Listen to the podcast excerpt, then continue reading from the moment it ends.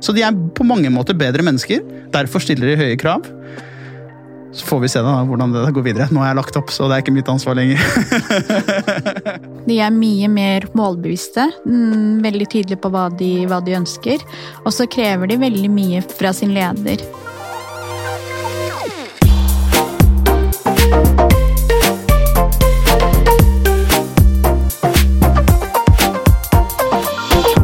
Vi lykkes i morgen, må vi ta gode beslutninger i dag. Derfor har vi invitert noen av landets mest toneangivende mennesker for å snakke om temaer vi vet vil forme våre liv fremover.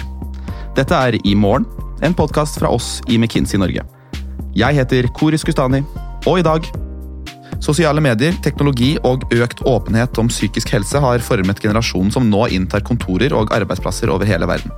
Undersøkelser viser at generasjon Z har helt andre forventninger til arbeidslivet og til livet generelt, og der det før ble forventet at hver arbeidstaker tilpasser seg arbeidsplassen, prøver nå selskapene å tilpasse seg den yngste generasjonen. Derfor spør vi er generasjon Z i ferd med å snu arbeidslivet på hodet. For å svare på det så har vi selvfølgelig invitert deg, Kjetil Landsrud. Takk for det. Tidligere toppalpinist, nå investor, ekspertkommentator i Viaplay. Og ikke minst er det jo millennial og en stor Liverpool-fan som varmer mitt hjerte veldig. i hvert fall. Jo, takk. Det er helt riktig. Jeg er veldig overraska selv over at jeg gikk i millennial-kategorien. Jeg ikke helt visst hvilken kategori jeg tilhører, men det er hyggelig å være her. Og så har vi også med oss deg, Kiran Assis. Du er leder for ansvarlige investeringer i KLP kapitalforvaltning og styremedlem i Flyktninghjelpen. Og så er du også millennial. Tusen takk. Jeg vil Velkommen. si at det er en glede å være millennial. Kjetil, du er jo som nevnt ikke aktiv lenger selv, men du jobber jo med unge alpintalenter på bl.a. landslaget. Ser du noen generasjonsforskjeller der ute, og hva på en måte går i så fall de, de hovedtrekkene ut på? Eh, jeg kom jo inn med litt lua i hånda og den generasjonen og liksom sto litt sånn skolerett foran de eldre og måtte lære. Eh, og der kan jeg vel kanskje se en forskjell fra min generasjon og de litt yngre, da, i måten de liksom møter da litt eh, den mer sånn satte garde i, i idrettsverdenen. Men det, det, stiller jo større krav til de, disse menneskene rundt. Da. Før var de på en måte mer en tilrettelegger eh, for trening, og så hadde man utøvere som, som sa Ok, da gjør vi det. Mens nå får du utøvere som er sånn Hvorfor det? Min pappa eller mamma mener noe annet. Altså Man blir satt mye mer under utfordring. da. Mm. Så jeg tror de klarer seg, klarer seg definitivt like bra. Altså De er bedre enn oss på alle måter, disse unge utøverne. De er bedre utøvere, de er mer profesjonelle. De har liksom levd hele livet under på en måte disse forventningene da, som de har løst på en ypperlig måte. Så det å sette de i system er vanvittig enkelt. Problemet er jo det at da må jo dette settes i et perfekt system de sliter litt mer når de får frie tøyler. Hva med deg, Kiran? Det som definerer ut fra, hvert fall når jeg ser i arbeidslivet, er at for min generasjon, i spesielt når du er i den corporate verden, at man er mye mer opptatt av hva slags purpose du skal mm. ha. Og det er jo det at nettopp det at du ønsker å ha et større formål med det du gjør, er ganske, ganske definerende. Mm. Men ellers så syns jeg jo at det er spennende med generasjoner på, på tvers. Jeg har jo nieser som er i gen Generation Z, så der ser jeg stor, stor forskjell. Mm. Og du er jo som sagt i KLP en leder. Hva vil du si er den største forskjellen på å lede en Gen Z og en millennial som deg selv? Altså Det som er um, kanskje en fordel med å være den generasjonen vi tilhører, er at det er, det er noen års forskjell, men det er fortsatt ting jeg kan relatere meg til. Mm. Eh, kontra f.eks. noen som er eh, 20-30 år eh, eldre enn meg. Så jeg forstår hvor det kommer fra. Men samtidig, så det er jo som jeg var inne på, at det er når generasjoner møtes på tvers, som jeg tenker er den store, store verdien. Og vi har mye å lære eh, fra hverandre. Og så er det sånn at til den tilgang på informasjon, den var kanskje litt begrenset da vi, eh, da vi vokste opp. og nå får du jo tilgang til informasjon på alle mulige måter. Eh, men vi hadde jo litt mer den kritiske sensen hvor er den informasjonen eh, kommer fra. Så det er kanskje en ting som også er med på å definere, definere dem. Og det andre er at jeg tror det vil også variere veldig om du snakker om de, unge i Norge kontra f.eks. i en rekke land sørover i Europa eller i USA eller i mm. Asia, for den saks skyld. Og når vi først snakker om å lede mennesker fra ulike generasjoner, så er det jo naturlig å si velkommen også til deg, generasjon X-er, kollega og sjef i McKinsey Norge, Fridtjof Lund. Takk, eh, Koris. Du har jo et ganske hva skal man si, godt eh, innblikk i hvordan det er å lede eh, ulike generasjoner. Både gjennom din egen jobb, men også med å råde i andre selskaper. Hva er det som egentlig kjennetegner de ulike generasjonene som vi ser er i arbeidslivet nå? Vi har jo uh, kikket litt på det, uh, selvfølgelig, som, som uh, McKinsey. Og så tror jeg man, som Kiran også sier, jeg tror vi skal være litt forsiktige med å overforenkle dette. For jeg tror det er store regionale forskjeller. Det er helt avhengig av konteksten man er inne i. Men hvis vi på en litt sånn enkel måte deler Det er jo fire generasjoner som er i arbeidslivet eh, nå. Du har jo på en måte babyboomerne, som er røftlig 1940 til 1959 eller sånn. Eh, etterkrigstid, stort eh, fokus på ideologi, eh, og, og det var nok en en tid som ble også preget av liksom samholdet etter krigen. Og så har du da generasjon X, som jeg da tilhører, som er da 1960 til 1979.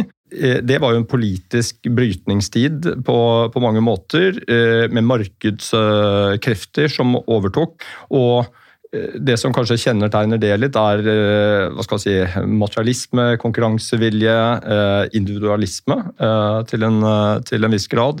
Og så har du da millennials, som dere to tilhører. Det var en periode med rask globalisering og egentlig ganske sånn sterk eh, økonomisk stabilitet. Man har vokst opp i, i en periode hvor, hvor, du i og for seg fikk mye teknologi. Det var da vi fikk internett, eh, bl.a. Og her har vi liksom en generasjon av verdensborgere. Det ser man også i og for seg på forbruksmønstrene. Det var mye opplevelser, mye reising. Det var liksom det å, å, si, å oppleve verden. Eh, men også en ganske sånn selvsentrert generasjon, hvis man kan, kan si det. Men som, som, var villig til å utfordre, da, som Kiran også nevnte. Og så har du da denne siste som er temaet i dag, generasjon Z, eller Gen Z, som er født inn i altså De er født med sosiale medier, på en måte. De er født inn i internettverdenen med en massiv tilgang på informasjon. Eh, og med en veldig dyp, eller god teknologiforståelse, helt sånn intuitivt. Ganske mobil generasjon, men som skiller seg litt. Eh, og vi ser jo det på en del tall også. Sårbarhet eh, eller mental helse blitt eh, veldig viktig.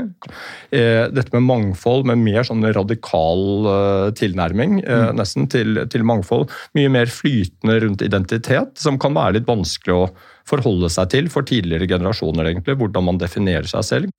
Og også i og for seg i forbruksmønstre ser man det at vi ønsker ikke nødvendigvis at det er skille mellom kvinne og mann eh, på ulike varer. Så mye mer eh, individuelle eh, på akkurat det. Og så er det da en del aspekter som blir viktig selvfølgelig mm. for denne generasjonen, som kanskje ikke var så viktig for tidligere generasjoner.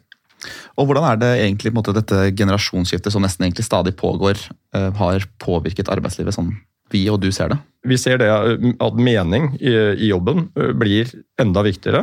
Tematikken rundt mental helse, superviktig.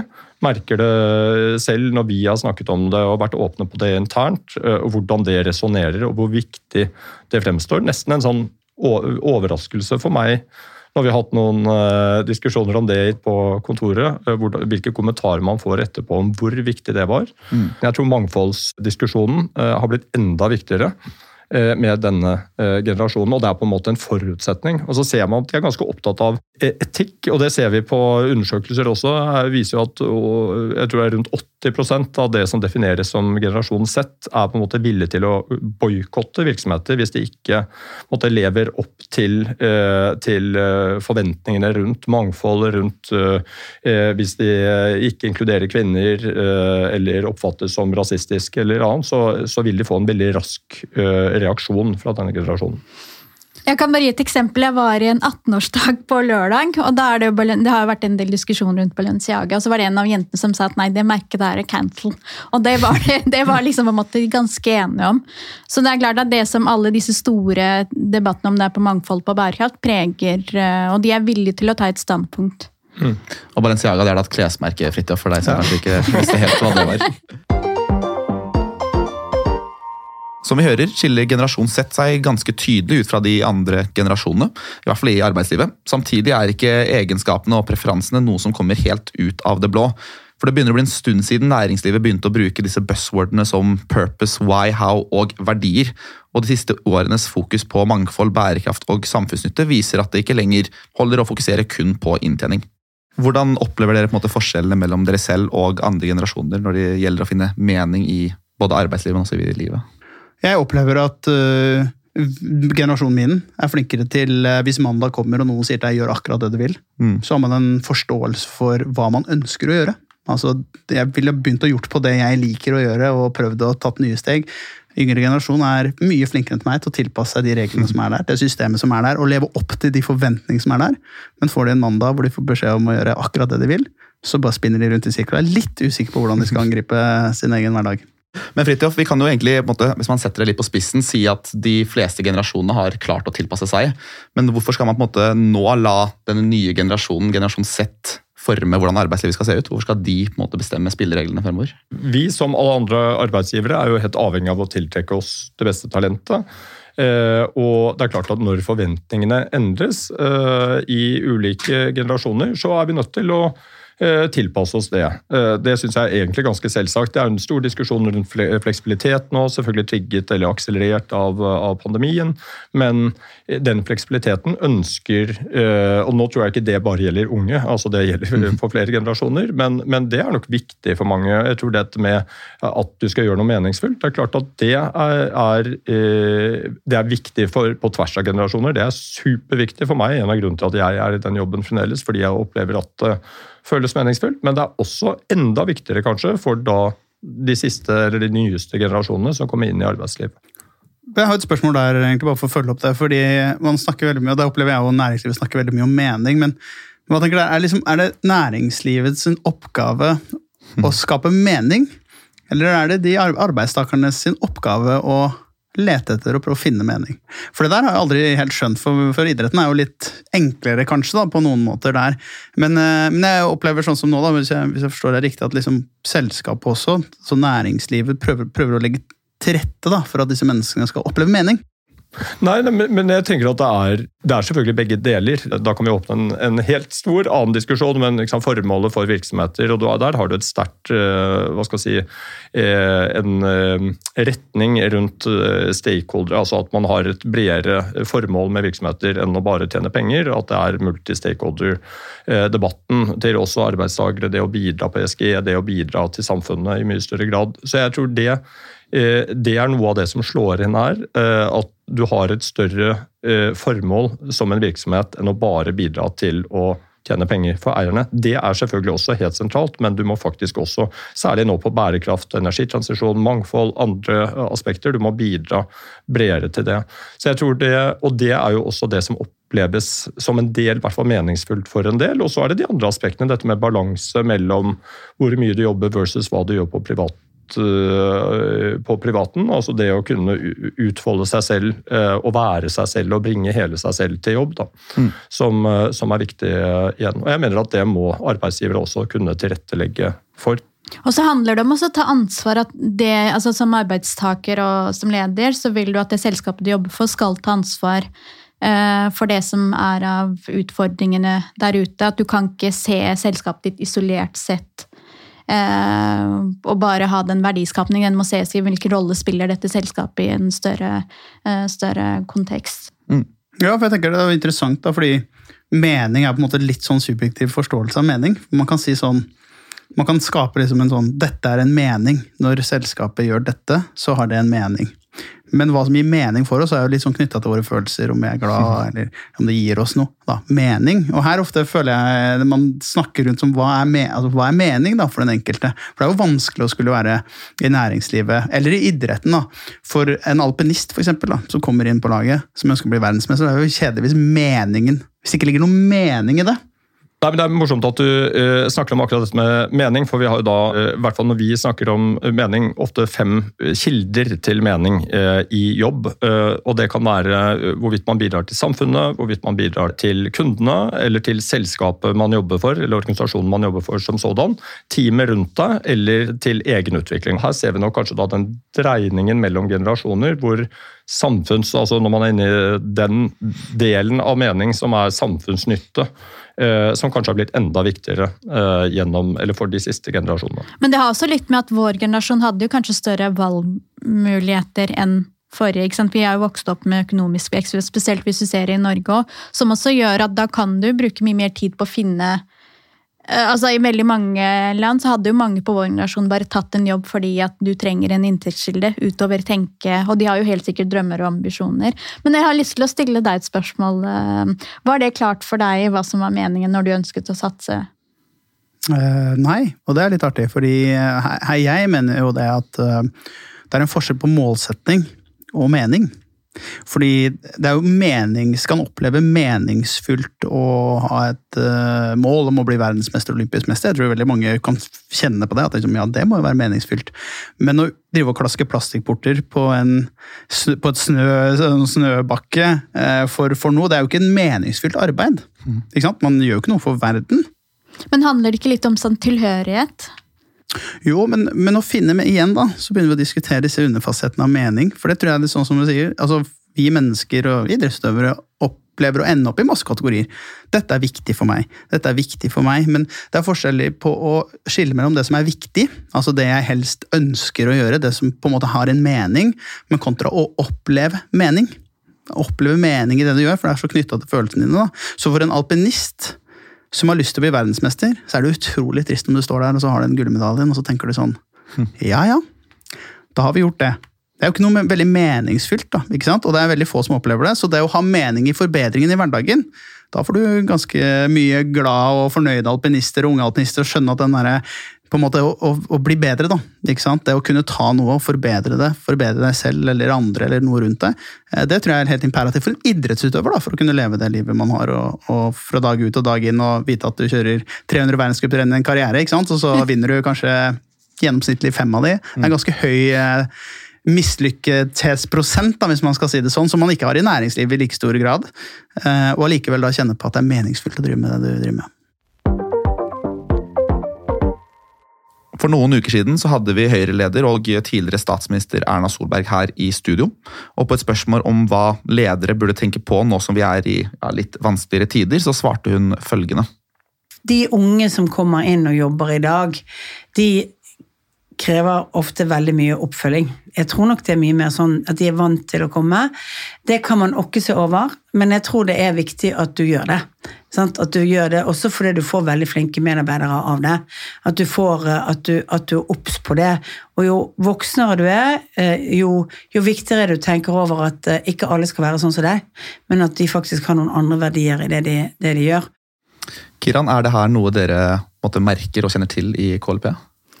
Det vil jeg si at det er åpenbar Det ser vi gjennom rekruttering. De er mye mer målbevisste. Mm, veldig tydelige på hva de, hva de ønsker. Og så krever de veldig mye fra sin, eh, fra sin leder. Um, og det er jo med et ønske om Og det, jeg, jeg, elsker det, fordi de er ambisiøse, de ønsker å få til. Og jeg tenker da må du bare tilrettelegge for, for, det her. Og når de har en drive og er, vet hva de er gode på, mm. Eh, så vil de også hjelpe deg med å, med å veilede. Mm. Kjetil, hvordan har eh, måte, kulturen for feedback og oppfølging forandret seg i toppidretten før versus eh, sånn du ser det nå? Og det er jo konstant utvikling. Uh, og, og, og, litt av dette man, jeg tror man er gode på idretten, og spesielt på alpinlandslaget, er jo det å, å tillate da, disse nye generasjonene, også de eldre generasjonene, å sette sitt preg på kulturen. Ikke, mm. ikke låse den kulturen da, som er hos oss, til liksom, hvordan f.eks. da Aksel Sindal og meg skulle være. Mm. sånn, Dere må passe inn i der, men være ydmyk nok til at det kommer opp en generasjon nå med litt annet verdisett. Ehm, så oppgaven vår blir jo måte, å slippe til de og akseptere at ting er annerledes. Det man får, er fantastisk bra utøvere med, med kanskje et helt annet syn på hvordan ting skal være. Mm. Ehm, men vi må lære av det. Ehm, så det er, det er forskjellen. Og så kan vi da som vår rutine prøve å la de bli litt kjent med seg selv. For det vi vet, er at uh, man kan holde vi, vi, har ikke overskudd til å holde hånda deres hele tiden, mm. men vi kan lære de å holde litt i hånda si sjøl. Mm. og sånn sett bidra med det som da de eldre generasjonene er litt bedre på, tenker jeg. Til den der herlige, gode balansen. Mm. Er det noen trenerstiler eller lederstiler du ikke tror hadde fungert like godt i dag med den yngre generasjonen innenfor alpin? Jeg, det, dette er et veldig morsomt spørsmål, fordi dette går litt på forskjell på nasjoner også. Mm. Eh, Norge jo, er jo veldig langt framme i skolen på lederutvikling, så når vi har norske trenere, så ser vi på en måte kanskje det vi er vant med, vi norske utøverne. Så får vi plutselig trenere fra Tyskland og Østerrike, men sånn helt annen litt mer sånn rigid hierarki. Eh, og, og, her blir det veldig ofte da kamp. Eh, der min generasjon, eksempel, med en sånn hierarkisk, vi blir helt stille. Paffe tar imot og er litt mer sånn ydmyke, mens de yngre er litt mer oppi Det aksepteres ikke. Så for oss så er det liksom, vi må utøve lederskap som passer disse ungene, men så blir det opp til trenerne å sette en sånn strategi for hvordan liksom selve sjefinga skal gå. Og eh, jeg tror de gamle, harde, rigide tidene de De, de blir vanskeligere og vanskeligere, men så tror jeg de har godt av òg. Så jeg blir liksom aldri enig med meg selv. Jeg tror det er fint å ha noen rammer òg, for det er jo det de Det ser jeg også en ting, er at de ønsker å forme og ha eierskap, men så er det jo også sånn, ja, men hva er rammene? Og det trenger de også eh, litt hjelp med og veiledning på. Og ha noen som kan fortelle, fortelle. Det er derfor jeg mener at det at generasjoner jobber på tvers, er egentlig er ganske, ganske bra. Fridtjof, som eh, leder av McKinsey Norge, så har du til syvende og sist ansvaret for at vi leverer gode resultater. Hva gjør denne nye generasjonen med arbeidshverdagen til en leder der ute i dag? Jeg, jeg, tror Erda var litt innpå det, det er nevnt flere. Jeg, jeg tror transparens er nesten det uh, viktigste ordet. De er vant til å få massiv informasjonstilgang, i og for seg uh, siden man er født digitale med masse uh, sosiale medier og alt, men det å bare kunne gi uh, tilbakemelding på hvordan det går, og være ganske ærlig på det um, For meg har mening med jobben blitt viktigere. Etter hvert til å begynne med så var det egentlig bare å lære seg skillsets og alt var gøy, og, men nå ser jeg at de generasjon, den generasjonen som kommer kommer nå, der er dette viktig fra start. Jeg har uh, konsulenter som ikke De vil ikke jobbe på deler uh, på enkelte typer prosjekter hvis det er viktig for de. Uh, men det ser jeg også på bedrifter nå ute. De som har måte noe som oppleves som meningsfullt. De får jo masse søkere, fantastisk talent. De som kanskje er i bransjer igjen dette les på nå, som ikke oppleves kanskje som like meningsfullt, eller ikke har klart å artikulere meningen, de opplever jo at de ikke får den samme eh, søknadsmassen. Så det gjelder på en måte fra et enda tidligere tidspunkt eh, enn det de gjorde før. Og så vil jeg bare si at det er jo fantastisk for driv og for noen høye krav de generasjonene som kommer inn nå, setter til seg selv. Jeg blir jo superimponert. Altså, det er jo en eh, kompetanse og, en, eh, og skal si, et, et, ekstremt høyt prestasjonsnivå, litt samme som Kjetil nevnte, som kommer inn døra hos oss, og som jeg ser ute i næringslivet ellers. Så, men en litt mer hva skal jeg si, fragil gjeng som krever litt, litt, mer oppfølging og litt mer guidance uh, enn uh, en kanskje tidligere generasjoner. Og så er Det jo det, det også hjelper dem med å forstå at jobb er en viktig kilde, men det er ikke alt. Mm. Og Den kan du få fra veldig mange steder. For det jeg også ser at de er så utålmodige. Mm. De vil få til alt her, her, her og nå. Mm. og hvis du skal holde ut, spesielt Eh, jo lengre du kommer opp, desto større ansvar får du. Så må du ha andre ting også å, å belage deg på utover bare jobben. Mm. For de som måte, har vært i arbeidslivet en stund allerede, så må jo mye av dette være ganske store forskjeller og endringer. Eh, her har man på en måte gått rundt i årevis og strukket seg og prestert, og så plutselig skal følelser, verdier og psykisk helse være øverst på dagsorden. Har du noen gang eh, Kjetil, fått tilbakemelding fra erfarne som syns at man egentlig strekker seg litt for langt for å møte behovene til Genset? Nei, altså egentlig ikke. Men jeg tror utfordringen ligger i at man dytter ansvaret over på noen andre. Mm. Altså At de ikke tar ansvaret selv. fordi jeg opplever jo kanskje da de yngste som er opptatt av, av disse begrepene, men man har liksom kanskje ikke klart å fortelle at det er kjempebra. Men det er jo ikke helt og holdent opp til liksom eksterne å løse det. Så fokus er kjempebra. Så det vi gjør, er jo på en måte egentlig å synliggjøre for gruppa at men dette klarer dere, å fikse bra sammen hvis vi gir dere verktøyene til å gjøre det. Og der mm. er det jo et mye mye større fokus i idretten nå enn det var. Um, så, så, jeg, jeg syns egentlig ikke Jeg syns det er flott. Jeg syns det er kjempe, kjempe, kjempebra. Uh, og så må jo idrettens lille finger til næringslivet være at, uh, at uh, vi feiler mye og vi, vi, har en generasjon som går gjennom ganske tøffe tak. Og de er like harde, de også, som oss. Så må ikke la de liksom, få lillefingeren og ta hele hånda på støtten, fordi det er en veldig robust generasjon eh, på alle måter. For hva blir eh, det neste, Kiran? Er det på en måte noe stort som er i vente når generasjon alfa også entrer arbeidslivet? Oh, det blir spennende å se. Jeg har en nese som vil være å omfatte det. så vi får, vi får, se. Men jeg tror det er tilbake, det er noen grunnleggende ting som er der. Altså Verdier er jo det er hva slags menneske man ønsker å være, og hva som former deg. Eh, og, og, uavhengige generasjoner, så jeg tror det å lære seg resilience er kanskje noe av det viktigste du kan lære deg for å, for å håndtere livet. Og det er en psykisk helse og en fysisk helse, så jeg tenker det er egentlig bare fint at vi har fått disse tingene på dagsorden. og Um, altså er, verden er i utvikling, om, om, det er teknologi, om det er muligheter, om det er store utfordringer som klimaendringer. Så vi må jo bare ta, Det handler om å være tilpasningsdyktig, så jeg tror vi må bare ta det som, som det kommer.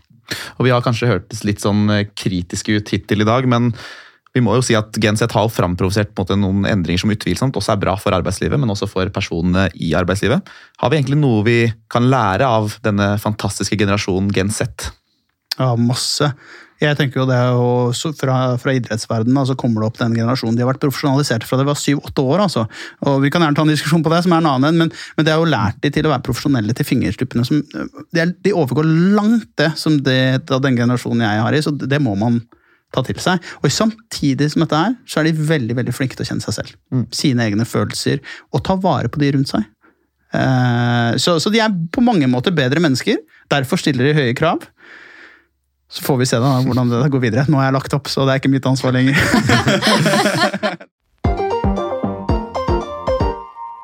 Helt avslutningsvis, hva må vi gjøre i dag for å skape et arbeidsliv som funker for alle, Kiran? Jeg tror det aller viktigste vi kan gjøre, er at mennesker får lov til å de vi har, at de kan få lov til å være seg selv. Og jeg tror hvis de får lov til å være seg selv innenfor det som er eh, rimelige rammer, eh, så vil de klare og, Spesielt når det, kommer, når det kommer til kompetansebedrifter, så har de, en, de har ambisjoner på vegne av seg selv. Eh, og har du ambisjon på vegne av deg selv, så vil du også ha det på vegne av selskapet. Kjetil, Det vi må gjøre i dag, det er at uh, de eldre generasjonene, inkludert meg, må ta et godt steg ned fra sin høye hest og ikke inkludere mennesker gjennom uh, regler og, og papir om hvordan man skal oppføre seg, men åpne øynene og se de, inkludere de, og være villig til å lære bort og lære selv. På et nivå som har blitt litt borte, tror jeg. Fridtjof, du får eh, siste ordet her i dag. Hva er det ene grepet du anbefaler til bedrifter for å skape et arbeidsliv som passer alle generasjoner? Inkludering er kanskje det ordet som eh, oppsummerer. Det å da klare å tilrettelegge, men klare å ta vare på at du bringer hele deg til jobb med de sårbarhetene man har, med eventuelle utfordringer rundt mental helse. At man kan snakke om det, og at man kan sikre si, psykologisk trygghet eh, på jobben. Det tror jeg blir viktig å tilrettelegge for. Mm. Kjetil Jansrud, Kiran Aziz, Fridtjof Lund, tusen hjertelig takk for at dere kom hit til studio i dag og delte hva som gir dere mening, og hvordan mening ser ut. Jeg heter Kori Skustani. Takk for at du hørte på i morgen.